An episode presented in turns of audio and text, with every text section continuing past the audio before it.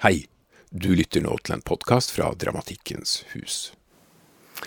Hei og velkommen til kveldens foredrag her på Dramatikkens hus. Og ikke minst velkommen til Marken Laustad, som her ved min side sitter.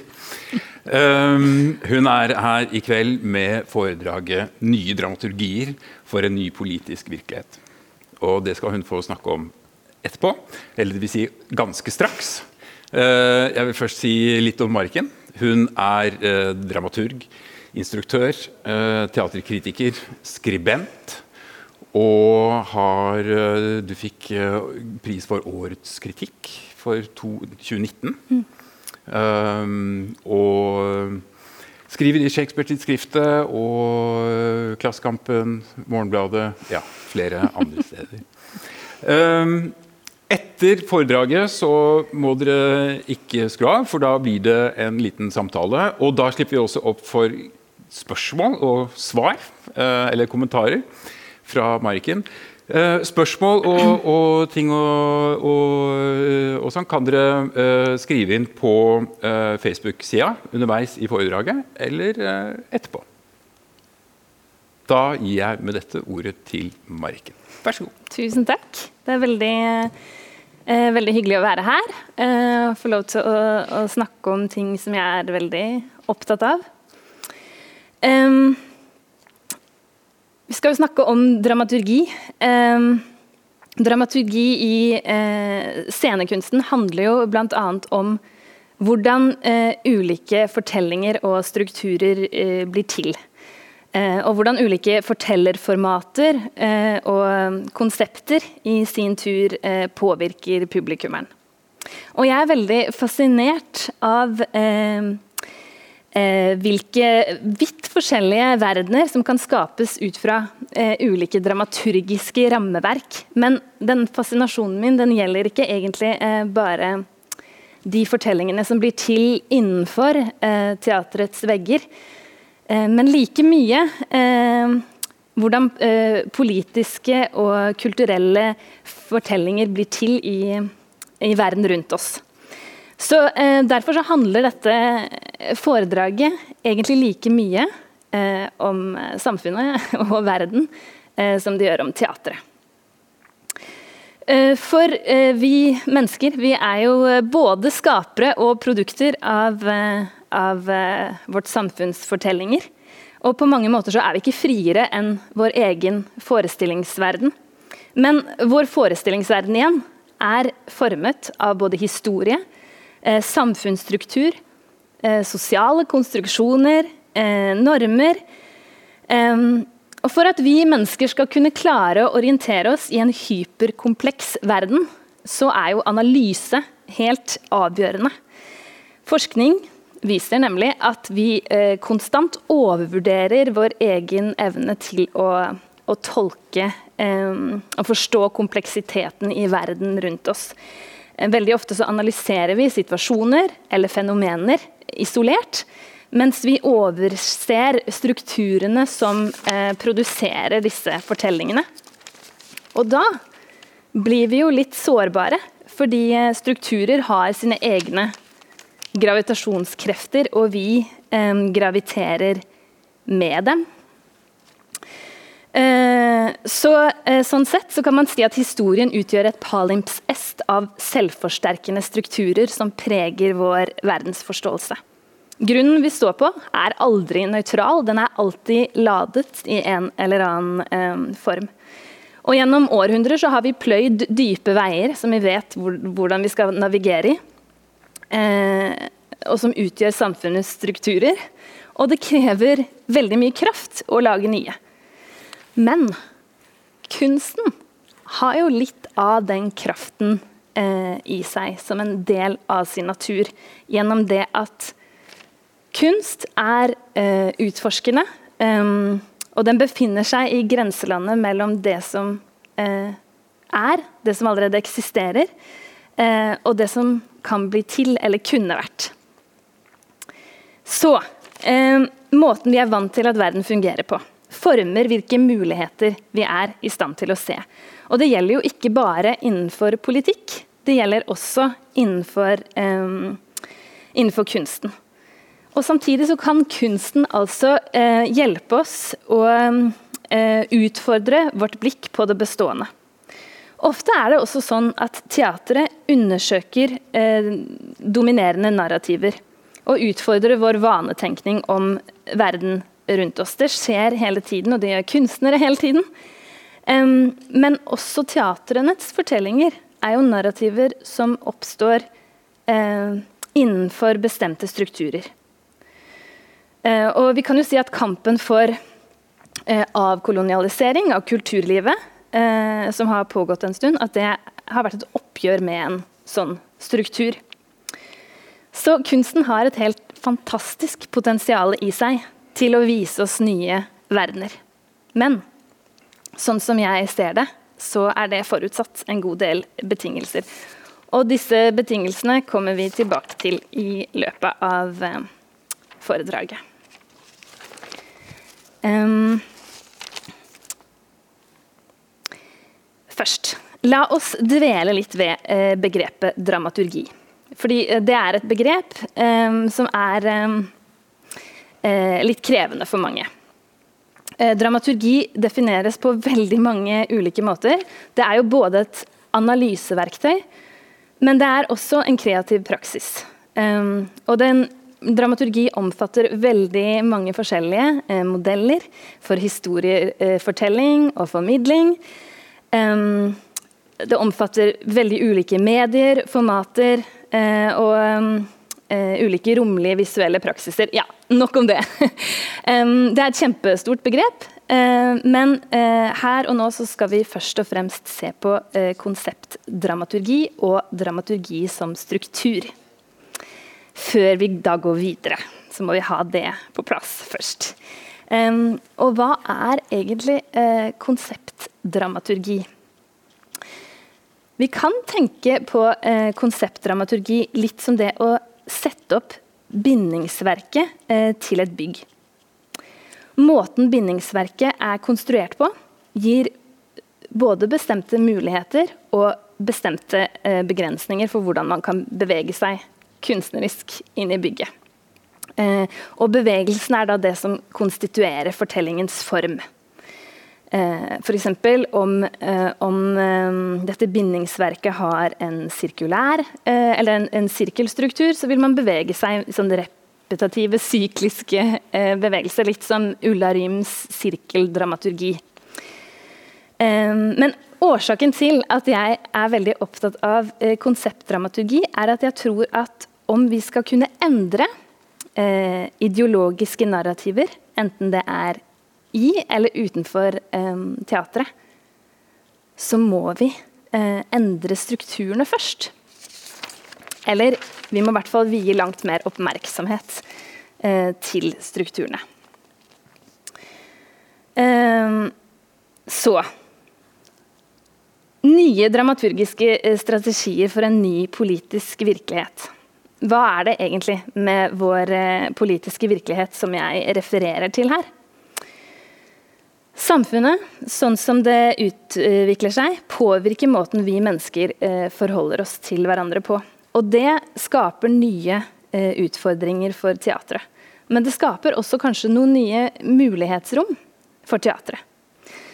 Det siste året har vært et ekstremt spesielt år for scenekunsten. Eh, som egentlig ikke har sidestykke i historien.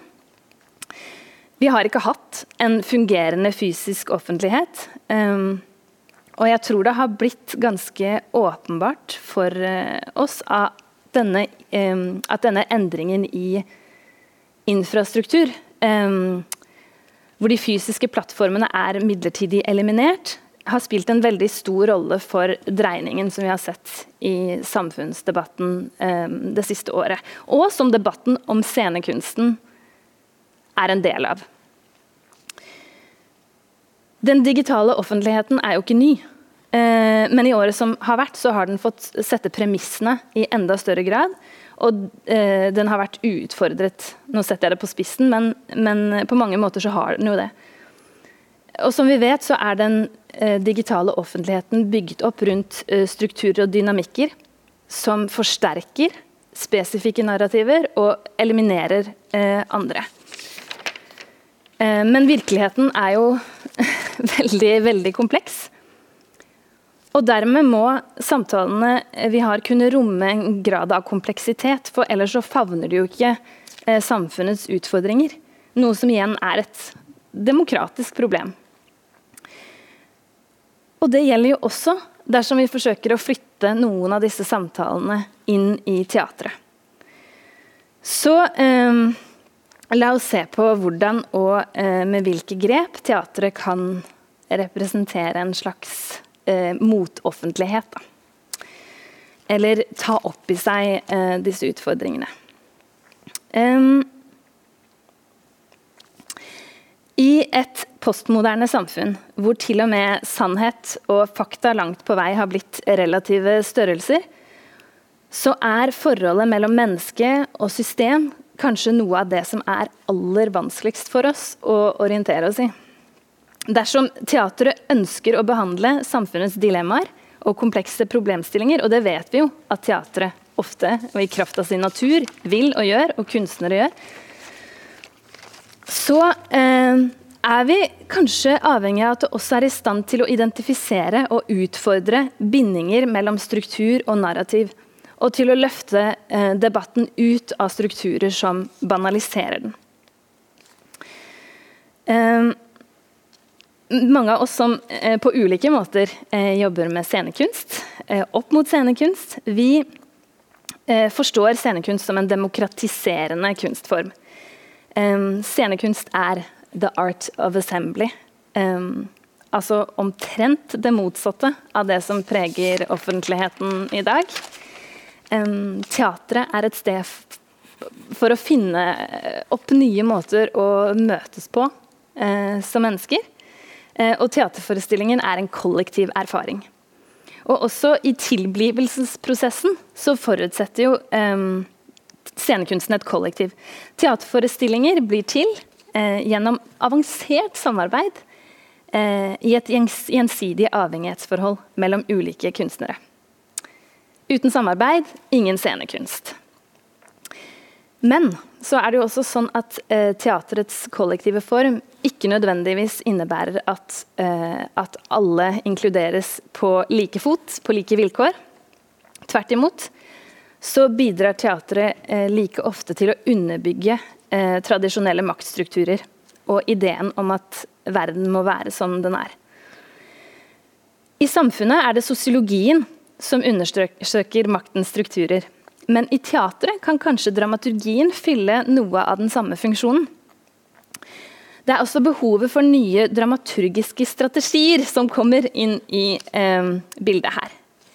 Vi behøver en dramaturgisk tenkning som bevisst søker nye forbindelser eh, mellom scenekunst og kontekst. Eh, blant annet så ser vi at nyere eh, dramaturgisk eh, tenkning begynner å ta opp i seg en del av, eh, av sosiologiens optikk. Og dramaturgen Tore Wang Lie han skriver i åpningskapitlet i boken sin eh, 'Refleksive i tyder', et tyder for et scenekunstfelt i endring, om eh, hvordan kunsten å tenke og å reflektere Dvele er en del av kunstnerisk praksis. Han argumenterer for eh, at det han kaller refleksiv dramaturgi, kan hjelpe oss med å tenke oss løs fra de ofte ubevisste eller halvbevisste eh, forutsetningene og hindringene som en kunstaktør hele tiden arbeider i og arbeider med. Og han eh, refererer i boka si til, sosiolog, eh, til sosiologen Bourdieu, Eh, og til Bertolt Brecht, som allerede på 1920-tallet, altså for ganske lenge siden, eh, spådde at framtidens teater ville være et sosiologisk teater. Um, og har det blitt det, da?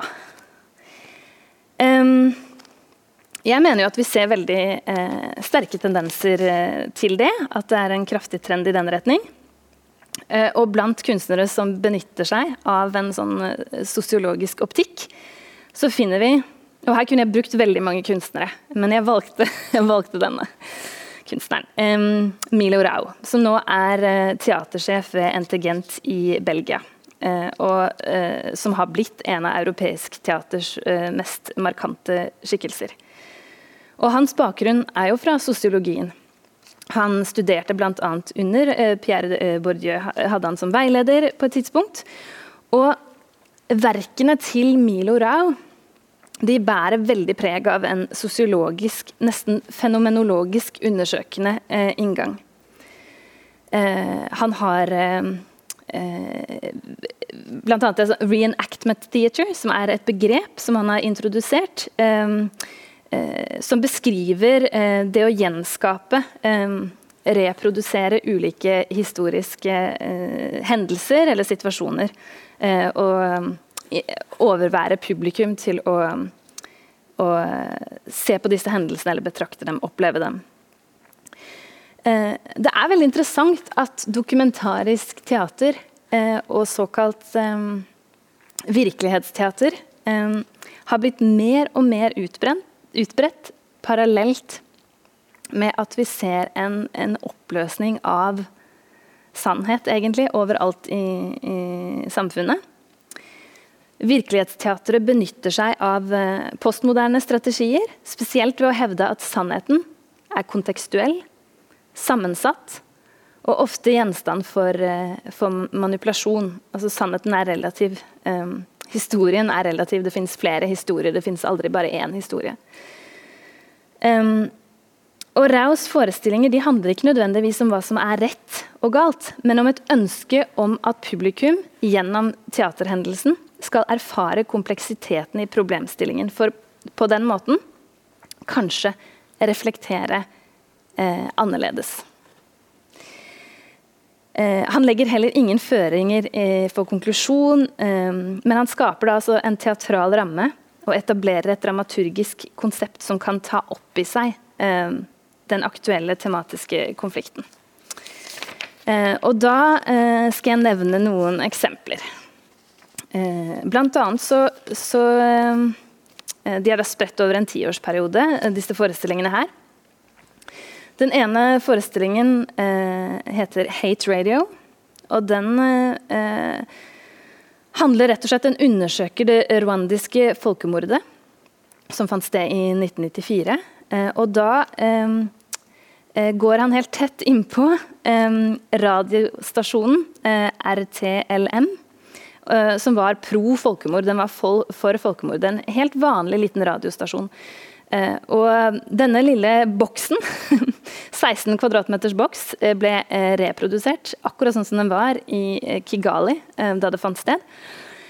og så er det mm, tre rwandiske skuespillere som medvirker i rollene som, som disse etter hvert ganske Altså i retrospekt var ganske berykta eh, radioarbeiderne, radiopraterne, da. Um, skuespilleren de bruker hodetelefoner, skribler notater, tar samtaler, ler og vitser og spiller musikk. Og så Alt dette her er da ispedd veldig hatefulle ytringer. Dehumaniserende politiske ytringer. Um, en slags sånn normalisert hat da, som har blitt en del av sjargongen i denne lille radiostasjonen. Og publikum sitter i salen og så lytter til det eh, gjennom hvert sitt radiosett. Og eh, noe av det mest interessante med den forestillingen er at den, eh, den det, blir en, det, blir en, slags linse inn i en politisk konflikt. Eh, hvor du får fram noe av det derre ja, normaliseringen av eh, av eh, av rett og slett hat. Da. hat og, mot den andre. Eh, men det er en helt bestemt kontekst, eh, og en kontekst som, som vi i vestlig teater eh, sannsynligvis eh, Ja. Det er jo en veldig spesiell ramme for en forestilling, en veldig spesiell, et veldig spesielt materiale. Um, så er det en forestilling som altså Breiviks erklæring. Eh, den er jo tettere, mye tettere på norsk historie. Eh, en veldig renskåret, konseptuell eh, forestilling, en reenactment av rett og slett Anders Behring Breivik sin rettsforklaring. Og her har han eh, skrelt vekk eh, alt av av det som preget den situasjonen, rettslokalet osv. Eh, til og med Breivik som figur. I stedet så er det en skuespiller. Eh, tysk-tyrkiske, eh, sku, den tysk-tyrkiske skuespilleren Sasha Søydan som framsier Breiviks manifest. Da. og igjen så får du den kontrasten mellom Eh, hvor han virkelig det, det, er aldri tilfeldig for Milo Rau eh, hvem det er som sier Han, han vrir på en måte opp ned på, på, en situasjon ved å velge at det er akkurat hun som sier teksten. Um, og, og, de elementene som på en måte stripper situasjonen eh, for kontekst, er også de elementene som på en måte bringer situasjonen nærmere. For det, det, selve materialet, altså selve, selve eh, rettsforklaringen hans får veldig stor plass, fordi alt det andre er på en måte tatt vekk. Og så det en, følger det en, en, panelsamtale etterpå. Og den fant, Forestillingen fant sted eh, eh, Premieren var bare ett år etter, etter terroren fant sted, da, og da var det veldig ferskt, ikke bare her i Norge, men i Europa også. Eh, og de panelsamtalene ble vekket veldig sterke samtaler, veldig sterke eh, følelser. Ikke bare om tematikken, men også om kan kunsten eh, tillate å videreformidle eh, en terrorist sitt budskap, f.eks. Eh, så den eh, ja, den fikk også sånn kontekstuell, et kontekstuelt um, element. Um, også en, en, forestilling til som jeg har lyst til å nevne, er Kongotribunalet en rettssak. Og her zoomer Rau inn på den mangeårige, eh, blodige sivile borgerkrigen i Den de demokratiske republikken Kongo, og setter Vesten på tiltalebenken. Eh, fordi eh,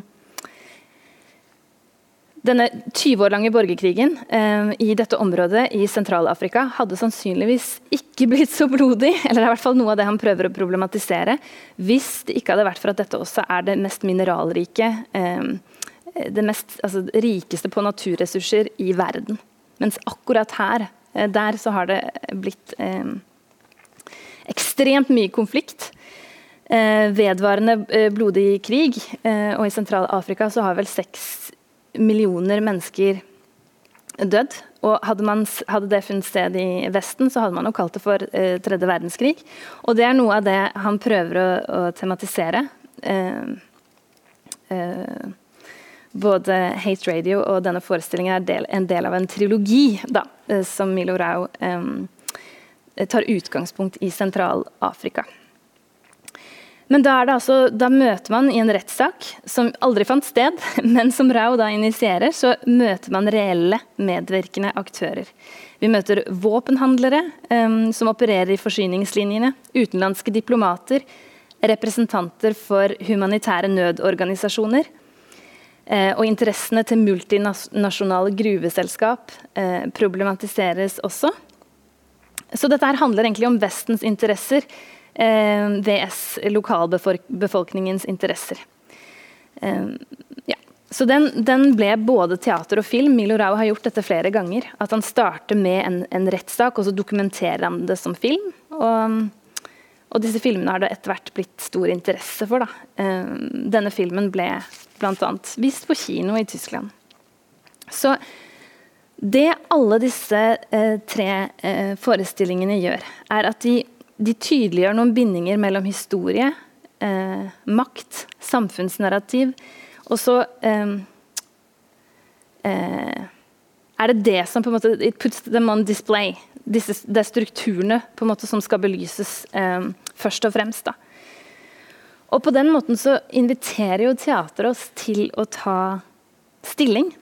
Krever at vi stiller spørsmål med hva det er som er sant, hvilken framstilling som er riktig, eh, hva det er som er rett.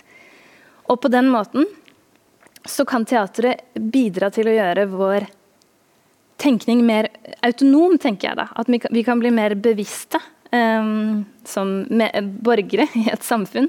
Og ikke, kanskje ikke like passivt underlagt um, hegemoniet. Um, ikke like sårbare for, uh, eller lettpåvirkelige overfor uh, dominerende narrativer. Um, For jeg tenker jo at det er umulig å, å, tenke fritt om man ikke er i stand til å identifisere bindingene mellom struktur og narrativ. Og, og for å komme litt tilbake til innledningen, så er det jo i en veldig hyperkompleks virkelighet så er det kanskje, er det kanskje en, en, utfordring som, eh, som teatret kan ta opp i seg, da. Eh,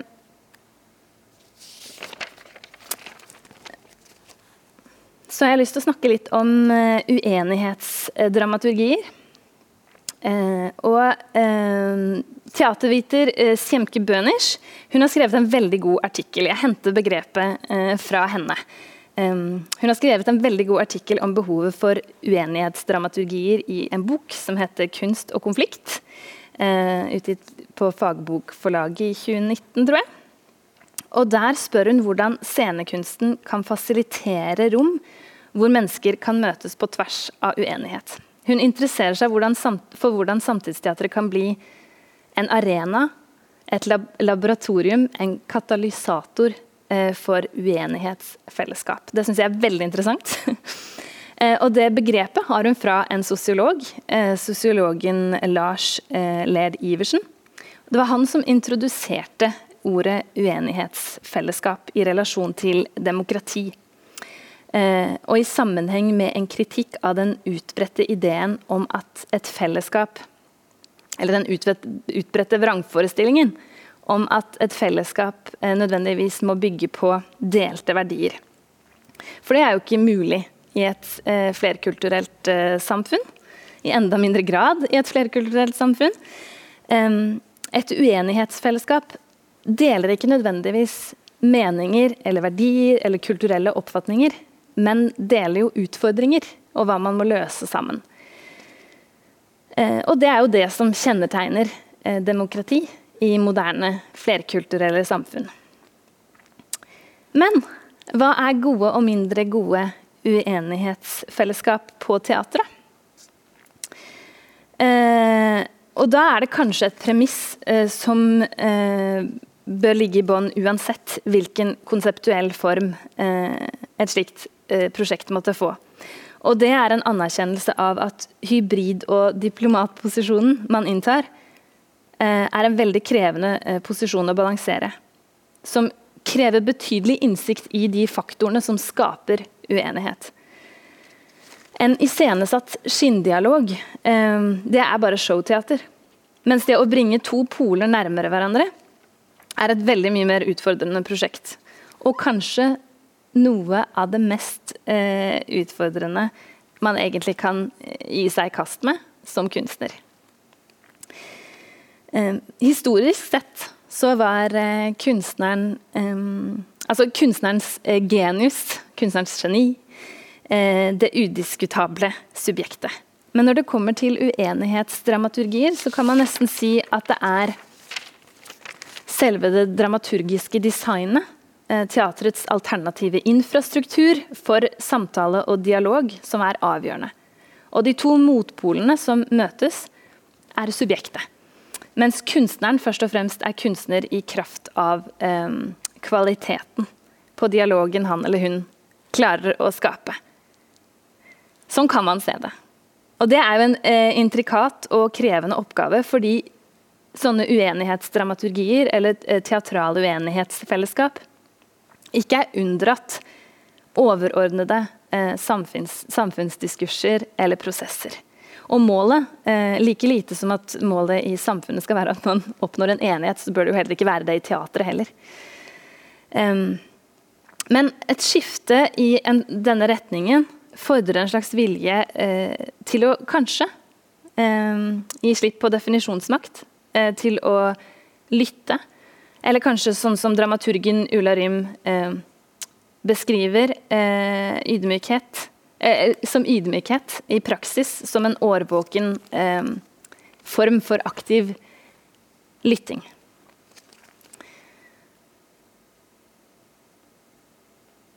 Eh, og For å bygge videre på dette så jeg har lyst til å snakke litt om, eh, om dramaturgiske strategier for et flerkulturelt teater. For når vi snakker om eh, dramaturgiske strategier for en ny politisk virkelighet, så kommer vi jo ikke forbi at denne eh, ikke så nye virkeligheten, men likevel eh, Virkeligheten eh, vi lever i, er flerkulturell. Og i spørsmålet om representasjon så er den sosiologiske optikken kanskje særskilt viktig. Fordi maktanalysen er helt eh, essensiell. Og her kan et, eh, et, eh, Foucaultsk blikk komme godt med. For hvordan kan man ved hjelp av um, dramaturgiske strategier redistribuere og um, utjevne maktforholdet mellom den dominante kulturen uh, og den um, kulturen som skal representeres?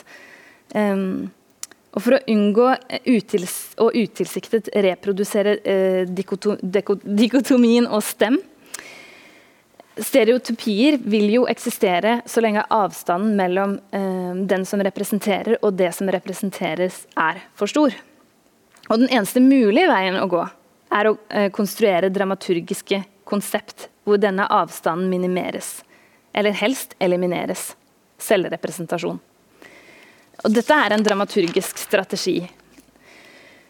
Det innebærer at man beveger seg vekk fra en subjekt-objekt orientert ontologi mot en subjekt-subjekt-orientert ontologi. Og hva i all verden mener jeg det? Jo, at maktforholdet mellom kunstner og kunstnergruppe, majoritetskultur og minoritetskultur forsøkes utjevnes, problematiseres, snus på hodet, og at det dramaturgiske konseptet kan designes med dette som eh, formål. Um, og her har jeg lyst til å nevne dramaturgen Edith Kaldor. Eh, og hun eh, vent, nå, venter jeg litt på neste slide, men den kommer nok. Eh, hun lagde en forestilling eh, tilbake i 2010, faktisk, eh, som het eh, C'est chinois. Eh, og skal vi se, ja, Jeg nevnte at hun var dramaturge, og hun har Amsterdam som base. Hun har også vært stipendiat ved Akademi for scenekunst i Fredrikstad. Eh, og hatt veldig stor suksess med sine forestillinger, som, hvor hun, hun, hun lager virkelig forestillinger fra et, fra, altså med et dramaturgisk uh, start, uh, start, starting point. Uh, ja. I denne forestillingen, um, du chinois, så møter vi fem kinesiske uh, statsborgere. og det eneste språket de snakker, er mandarin. Uh, og da blir jo verbal uh, kommunikasjon med publikum egentlig en umulighet. Men ved hjelp av teaterets semiotikk, gester osv. Så, videre, så lærer de bort eh, fraser og begreper på mandarin. Akkurat nok for publikum til å forstå fortellingen som gradvis utfolder seg. Men de må hele tiden gjøre en innsats eh, for å lære. Og sånn fortsetter det. Eh, gjennom hele forestillingen så må publikum eh, lære seg jevnt og trutt nye ord, nye begreper, eh, for, å kunne, for, å kunne, følge med. Eh, og på den måten så blir publikum eh, satt i en slags eh, assimileringssituasjon.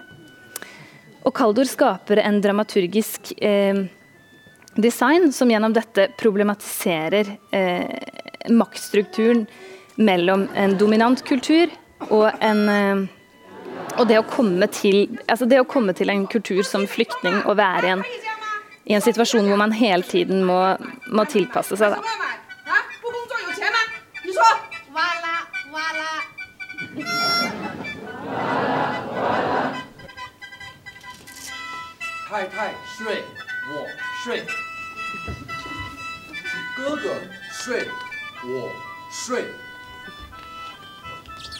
弟弟睡。hello hello hello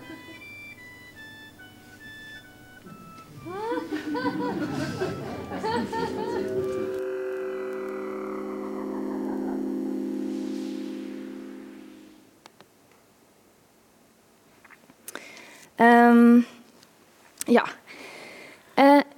Jeg har bodd noen år i Sør-Afrika, fra 2016 til 2019. Uh, og det er litt trist å tenke på at det allerede begynner å bli en stund siden. Um, men uh, i den perioden så ble jeg da kjent med uh, selvfølgelig en del sørafrikanske kunstnere. Og um, interessant der så var på en måte den uh, retten til selv Jeg, jeg opplevde at, at debatten om representasjon på mange måter hadde kommet lenger der. Og det henger jo litt sammen at, med at Sør-Afrika har den historien det har, og har måttet ta mange oppgjør. eh, siden apartheid. Men um, mens det på mange måter var et tilbakelangt tema, så var det et tema som mange kunstnere jeg ble kjent med, var opptatt av. Det var at um, kunstneriske støtteordninger um, i Europa, altså ordninger for distribusjon av afrikansk, sørafrikansk scenekunst, um, veldig ofte favoriserer et uh, offer- og lidelsesnarrativ. Eh, og I seg selv så kan man jo tenke at det er mange viktige historier eh, som, som, må komme fram. Problemet er når det eliminerer andre typer fortellinger. Og, og at man eh, bevisst liksom, F.eks. For fordi vi eh, i Europa skal ta et oppgjør med vår koloniale fortid, da, så, så, så, er det da interessant å kjøpe inn forestillinger som forteller historien fra, fra eh, et afrosentrisk perspektiv osv. Og det er klart at det har verdi i Europa. Men, eh, men, eh, mange av kunstnerne som jeg ble kjent med, de var opptatt av eh, den repeterte på en måte objektiviseringen som lå implisitt i den dynamikken ved å reprodusere dette narrativet. For da kommer man liksom Man kommer seg ikke ut av offerfortellingen. da. Og Noen av de kunstnerne var inspirert av afrofuturisme, som egentlig er en, en, retning som kommer fra visuell kunst, men som har liksom beveget seg mer og mer mot performance og teater. Eh, og Det er en kunstretning som gjør krav på retten til å forestille seg en annen verden, en annen framtid, med andre strukturer. Eh, afrofuturisme går mye ut på å eh, og se for seg liksom, De leker ofte med vestlige ikon og heltebilder. Eh, og reproduserer dem fra et afrosentrisk ståsted med brune eh, protagonister istedenfor alltid den hvite, eksempel, som det historisk sett er. Og Dermed så kan man utfordre den eh, dominerende vestlige fortellingen. Men kanskje enda viktigere så handler dette også om eh, å krever liksom retten til å drømme eller gjøre krav på en annen framtid. Um, og uh, jeg har hatt flere ganske sånn ja, sterke samtaler med kunstnere sånn, som kommer fra diskriminerte, marginaliserte bakgrunner. Um, og oftere også selvfølgelig med ganske stor fattigdomsproblematikk, som snakker om at, at uh, forestillingsevnen, evnen til å drømme, at det er, er, det som ofte er vanskeligst å holde fast på. Da. Um, og Derfor så betrakter de også liksom, retten til å drømme som en aktivistisk handling, som politisk motstand. Og Dette faller litt sammen med eh, ideene bak eh, Raus eh, utopiske realisme. fordi eh, Jeg gikk ikke så mye inn på det, men han har et ønske om at teater eh, skal peke ikke bare mot eh, virkeligheten, men også hva verden kan være og kan bli. Ikke bare mot hva den er. Um, og at det også ligger i Også når han undersøker historiske hendelser, så er det et element av dette. Um, så uh, denne retningen uh, er også en måte å kartlegge linjer mellom fortid, nåtid og framtid på. Og ansvarliggjøre oss. Ikke bare overfor det som har vært, men den framtiden vi skaper uh, gjennom handlingene vi begår i dag. Um, jeg har egentlig litt lyst til å avslutte med, eh, med traileren til Milo Raos nye film, eh, 'The New Gospel', som ble vist på NTGents eh, hjemmeside i påska. Fordi mange av de tingene jeg har snakket om i dag, eh, liksom kommer sammen i den filmen. Men, eh, men jeg har jo ikke muligheten til å vise hele den. Det går ikke. Eh, men den anbefales. Eh, det er en dramatisering av eh, Jesus sin korsfestelse. Av lidelseshistorien, rett og slett. Men samtidig et portrett. Like mye et portrett av hvordan flyktninger utnyttes som underbetalte arbeidere. Og I tillegg så er filmen en slags dokumentar av alt det som foregår bak kulissene når filmingen finner sted. Så vi får ikke bare overvære det siste måltidet, men også uh, prøvefilmingene og raus instruksjon av skuespillerne. Og dermed så handler filmen like mye om hva det vil si å fortelle en historie, som den handler om selve historien.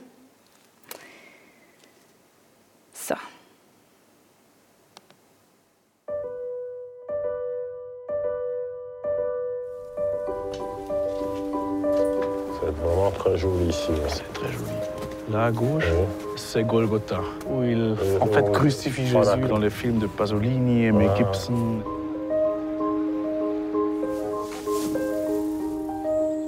Sono un attivista per i diritti che lotta contro il caporalato, contro lo sfruttamento in agricoltura.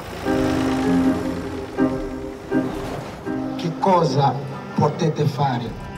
Non abbiamo acqua, anzi luce. Voi, se noi non iniziamo a lottare per i propri diritti, per i nostri diritti, nessuno non lo, farò, non lo farà a posto nostro. Se uno vuol venire con me, prenda la sua croce e mi segua. Con questo progetto è qualcosa che va al di là delle religioni.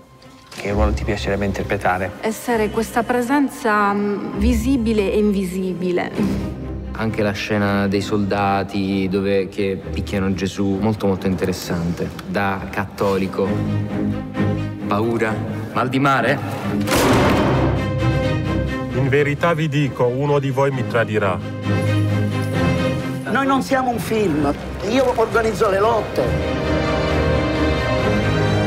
Siamo già stati sfruttati nel modo di lavoro dentro la campagna come schiavi. Tocca uno! Tocca tutti! Vogliamo solo dire una cosa, anche io ho un'intimità. Dobbiamo iniziare questa nuova follia, la follia del cambiamento.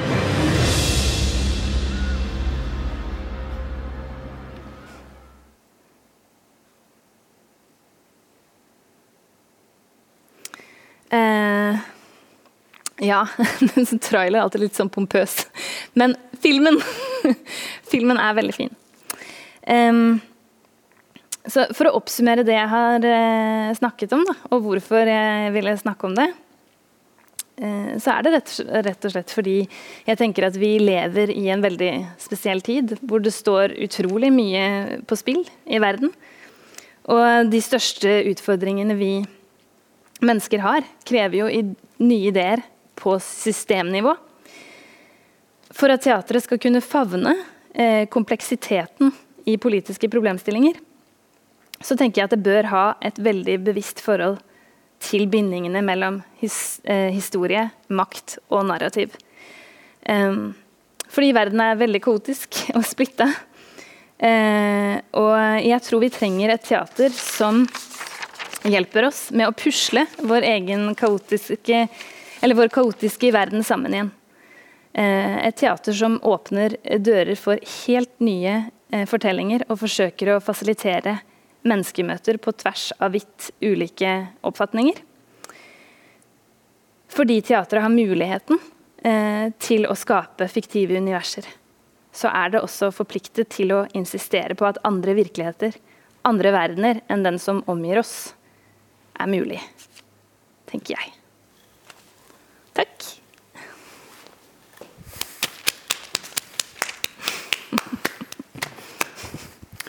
Tusen takk, Marikken. Hjertelig for et gnistrende foredrag og helt fantastisk eh, eminente eksempler. altså. Takk. kan du ikke snakke mer? Men uh, Det er litt feil å be om det. Men nå er det sånn at jeg må av og til sjekke den lille skjermen og se om det kommer inn noen spørsmål. Eller noe, noe kommunikasjon med omverdenen. Det får jeg eh, til opplysning, så får jeg det da på telefon fra Lene, som administrerer uh, Facebook-sida vår. Uh, så jeg uh, kommer tilbake til det. Du um, Jeg til tenke, sitter og tenker på en ting uh, gjennom alt det du har snakket om. Uh, altså Du studerte jo, eller har en del av utdannelsen din fra, fra Sør-Afrika. Og jeg vet at da du var der, Mm. så gjorde du i hvert fall to prosjekter. Scenekunstprosjekter. Mm. Um, kan du ikke si litt om det? Hva var det? Hva skjedde? Hva gjorde du? Jo, altså um, Jeg flyttet jo til Sør-Afrika i um, 2016. Eh, det var egentlig fordi eh, Det var egentlig som konsekvens av flyktningkrisa at jeg kom på ideen at jeg hadde lyst til å eh, flytte til en helt annen kant av verden. Fordi eh, fordi jeg fikk et sånn påtrengende eh, behov, egentlig, for å på en måte forstå mer av, av liksom virkeligheten til mennesker helt, helt andre steder enn min egen. Og da skjønte jeg at jeg måtte flytte på meg. Så um, jeg begynte å liksom Jeg tror det var litt ubevisst, egentlig, at jeg begynte å, å holde øynene åpne for muligheter uh, til å, å gjøre noe, ja, noe helt annerledes. Um, for jeg syntes at flyktningpolitikk var så forferdelig. Og, ja. og så uh, søkte jeg på en jobb, da. Um, eh, øh, faktisk som teaterfasilitator i Paulsmore Prison, som eh, er et fengsel utenfor Cape Town. Eh, og det var en krevende erfaring på mange måter, på mange plan, uh, syns jeg absolutt. Men eh, eh, men jeg Var, var det bare en jobb? eh, Altså Det var en jobb, det var- en, en, ja. Som en jobb? sant? Riktig, det var en Ja. jobb! Jeg beklager, kanskje jeg begynte litt i feil ende nå. Men ja, det var derfor jeg flytta til, eh, til, eh, eh, til Sør-Afrika. Og så skjedde det mange ting. Men, eh, men jeg valgte også, mm, etter hvert som jeg, jeg ble kjent med flere folk, eh, så traff jeg en eh, sørafrikansk regissør som heter Tando Doni. Som gjorde veldig sterkt inntrykk på meg, fordi han er en fantastisk kunstner. Og jeg lurte på om altså Det ble egentlig til bare via masse samtaler, men vi bestemte oss for å jobbe sammen. Men jeg tenkte at hvis jeg skulle jobbe med et prosjekt der nede, så ville jeg tre veldig til side kunstnerisk. Selvfølgelig hadde jeg jo lyst til å gjøre mange ting, men jeg følte, ikke at, jeg følte det var min plass å lære. Ikke å Ja. Så mm, jeg følte jeg også jeg hadde mye å lære av han, da. Så Eh, Så jeg endte opp med å produsere en forestilling med fire unge skuespillere fra township-områder utenfor Cape Town. Og så kom vi på den vanvittige ideen at vi skulle få forestillingen til Norge, da. Som vi faktisk fikk. Eh, Med helt sinnssyk visaprosess eh, med både ja, eh, flere skuffelser og nederlag og gleder og overraskelser. Det var bare en helt sinnssyk reise.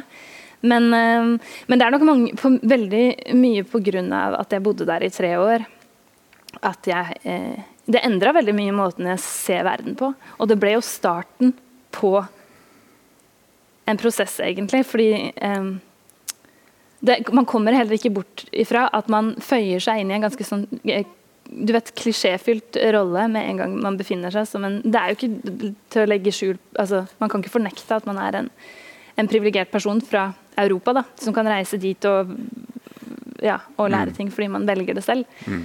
Så det har endra like mye synet jeg ser på meg selv og Norge, minst like mye som Mm. Yes. Mm. Men, men eh, de, flere av de tingene du har snakket om, eller hva skal jeg si, det du har snakket om i dag, jo, handler jo veldig mye om uh, teatrets uh, rolle og ansvar, og dramaturgenes eh, ansvar og, i nettopp å bevisstgjøre, analysere, eksponere koblingen, eh, særlig da de usynlige koblingene mellom eh, realiteten eller virkeligheten slik vi opplever den, og bakenforliggende eh, strukturer Mm. som undertrykkende undertrykkende krefter, da. Eller, Mm. Og, og, og var, det var vel noe du møtte på i den arbeidssituasjonen i Sør-Afrika også, eller? Ja, veldig, i veldig Ja, stor grad, egentlig. Ja. Og det, jo, det var jo også et konfronterende møte. Fordi Ja, ja, um, Jo, og, og men det, det, var veldig mye det som var årsaken Jeg er litt usikker på om jeg svarer på spørsmålet, men du får heller korrigere. Du på et eller annet vis gjør du helt sikkert det. ja. men, um, eller om jeg forstår deg riktig, da. Uh, men det var jo et veldig bevisst valg for meg at f.eks. eksempel, av og til som produsent kan man jo legge føringer. Uh, fordi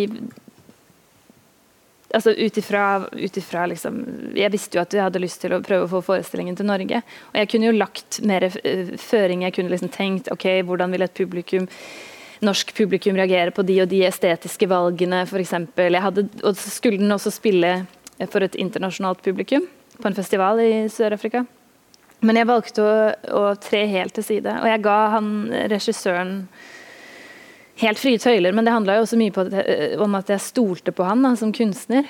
Um, fullstendig, egentlig. Og jeg var sikker på at um, at hans autonomi var avgjørende for å liksom Men jeg, jeg tror samtidig at Det har jeg tenkt på siden.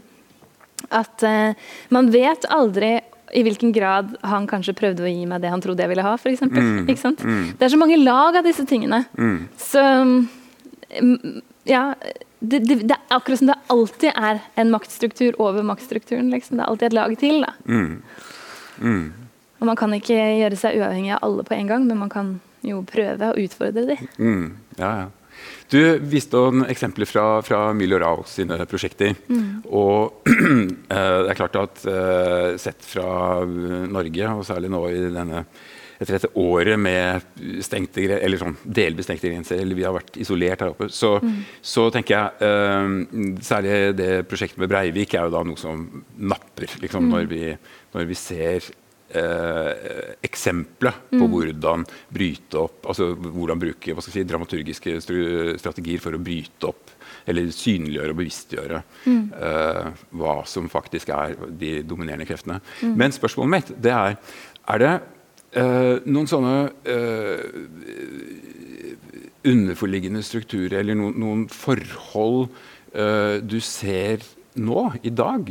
Altså det, har, det, du har vist i veldig stor grad, er jo avkolonialisering mm. og, og, og um, den type globale konfrontasjonen, eller mm. konfrontasjon mellom Uh, eller på tvers av landegrenser. Mm. Uh, men er det andre immanente strukturer i, i la oss si, staten Norge mm. uh, du ser som akutte å, å ta tak i?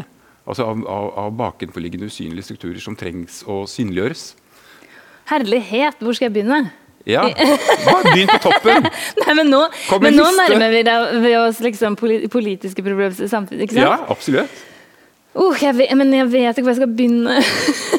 Rett og slett. Fordi jeg syns, jeg syns jo at hele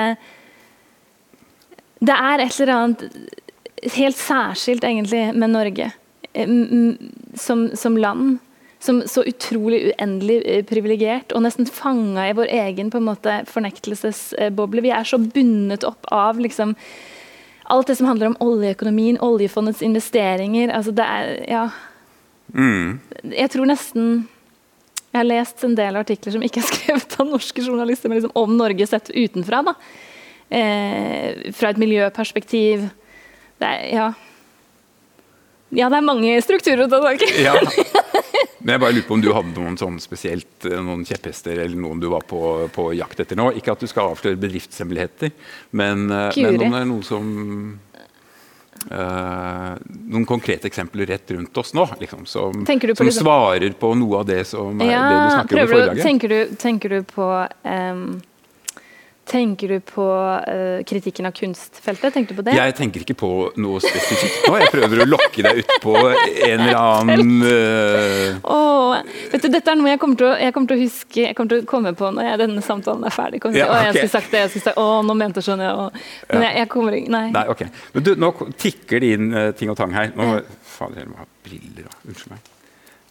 skal vi se. Uh, mm -hmm.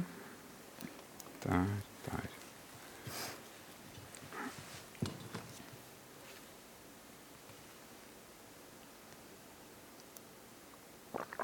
Her skal vi se. Uh, skal vi se her uh, Jeg ser ikke hvem dette er fra. Men uh, skal vi se, her kommer en melding. Takk, Marikin. Du fortalte om uenighetsdramaturgier. Kan du fortelle litt om publikums rolle i dette? Oi, oi. er de passive, eller mener du de kan delta aktivt i samtalen? Ja, ikke sant? I så fall, hvordan deltar de, og hvordan blir utøverne instruert til å respondere? Åh. Må vel være masse research for utøverne også? Eller er det ikke profesjonelle utøvere det er snakk om, men heller ekte mennesker som spiller ut sine reelle erfaringer? Og om publikum ikke deltar og blir på ekte tatt hensyn til, hvordan sørger man for at det oppstår rom for reell uenighet?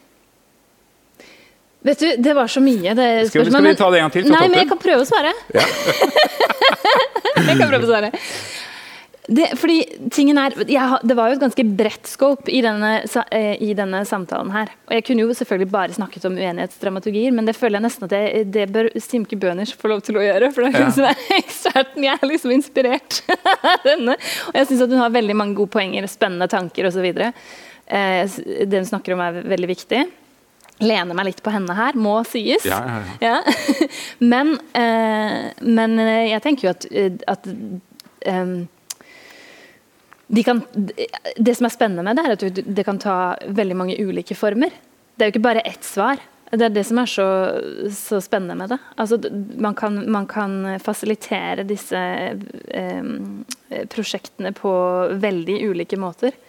Um, ja. Kan, men jeg, må, jeg, tenker jo virkelig at hele poenget må jo være å få i gang diskusjoner. Og lage et konsept eller prøve å få, få, til en konseptuell ramme som gjør at, eh, at mennesker blir så engasjert eh, i problemstillingen at de nesten ikke kan holde tilbake. Samtidig som man har et trygt rom hvor det er lov å være uenig. Da. At man klarer å skape et rom hvor folk eh, opplever at de ikke eh, løper en veldig stor risiko. Eh, at det er liksom en, et, rett og slett etablert et slags fellesskap som aksepterer eh, uenighet. Mm. Det var et veldig generelt svar, men mm. man kan gå i så mange ulike retninger, tenker jeg. Mm. Ja. Men publikum i dette Ja, fordi veldig ofte så er det jo Det blir jo eh, f.eks. Eh, i uh, typ, uh, det er det, det, med liksom en rettssaksdramaturgien. Snart skal det finne sted en rettssak, iscenesatt rettssak i, i Kristiansand. Rettssaken mot oss selv av to kunstnere. Kristiansandsbaserte kunstnere. Det er noe helt annet. Men, uh, men ofte så får jo publikum da en rolle som jury, f.eks. Uh, at de diskuterer, at de ja, samtaler seg imellom, at de er med å beslutte dommen, selv om dommen er fiktiv bestemme hva de syns var riktig eller galt, f.eks. Sånne ting. Mm. Og da kan jo, Som en del av den prosessen så kan man jo da eh, fasilitere en slags eh, debattsamtale. Mm. Ja. Mm. Vet ikke.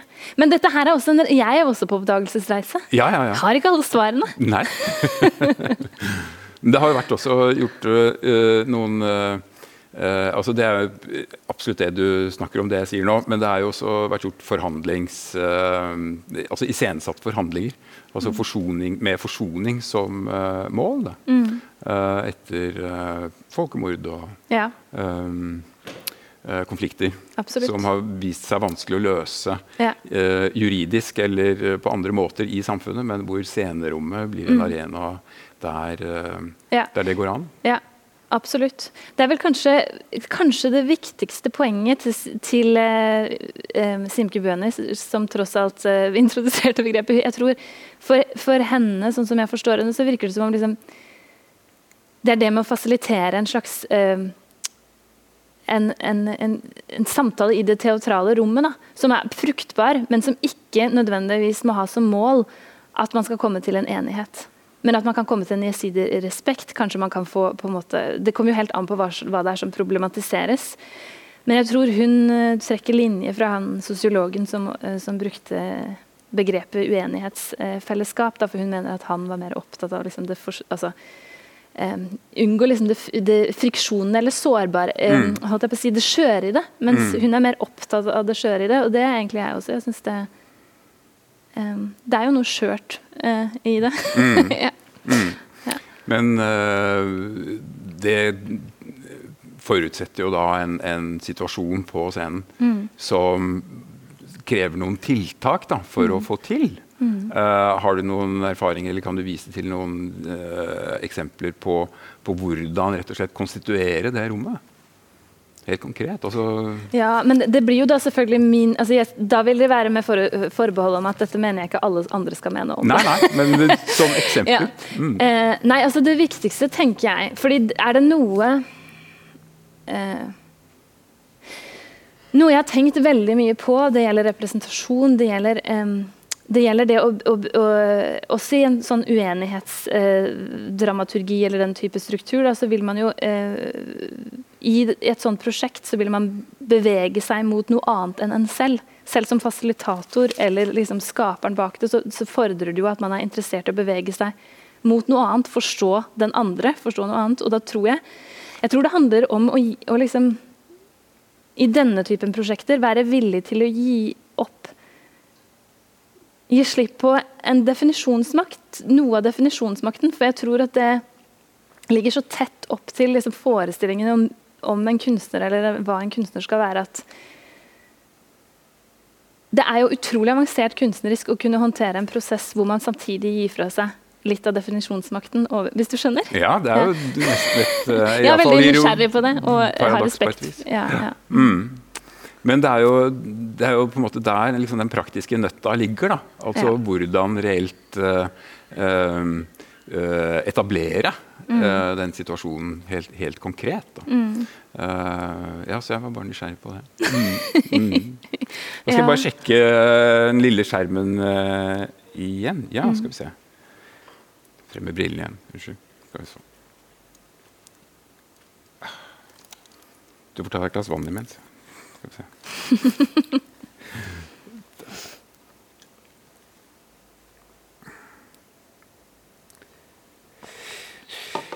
Uh, skal vi se Ja Skal vi se Jo takk. Lurer på uh, Nytt spørsmål fra samme. Skal vi se.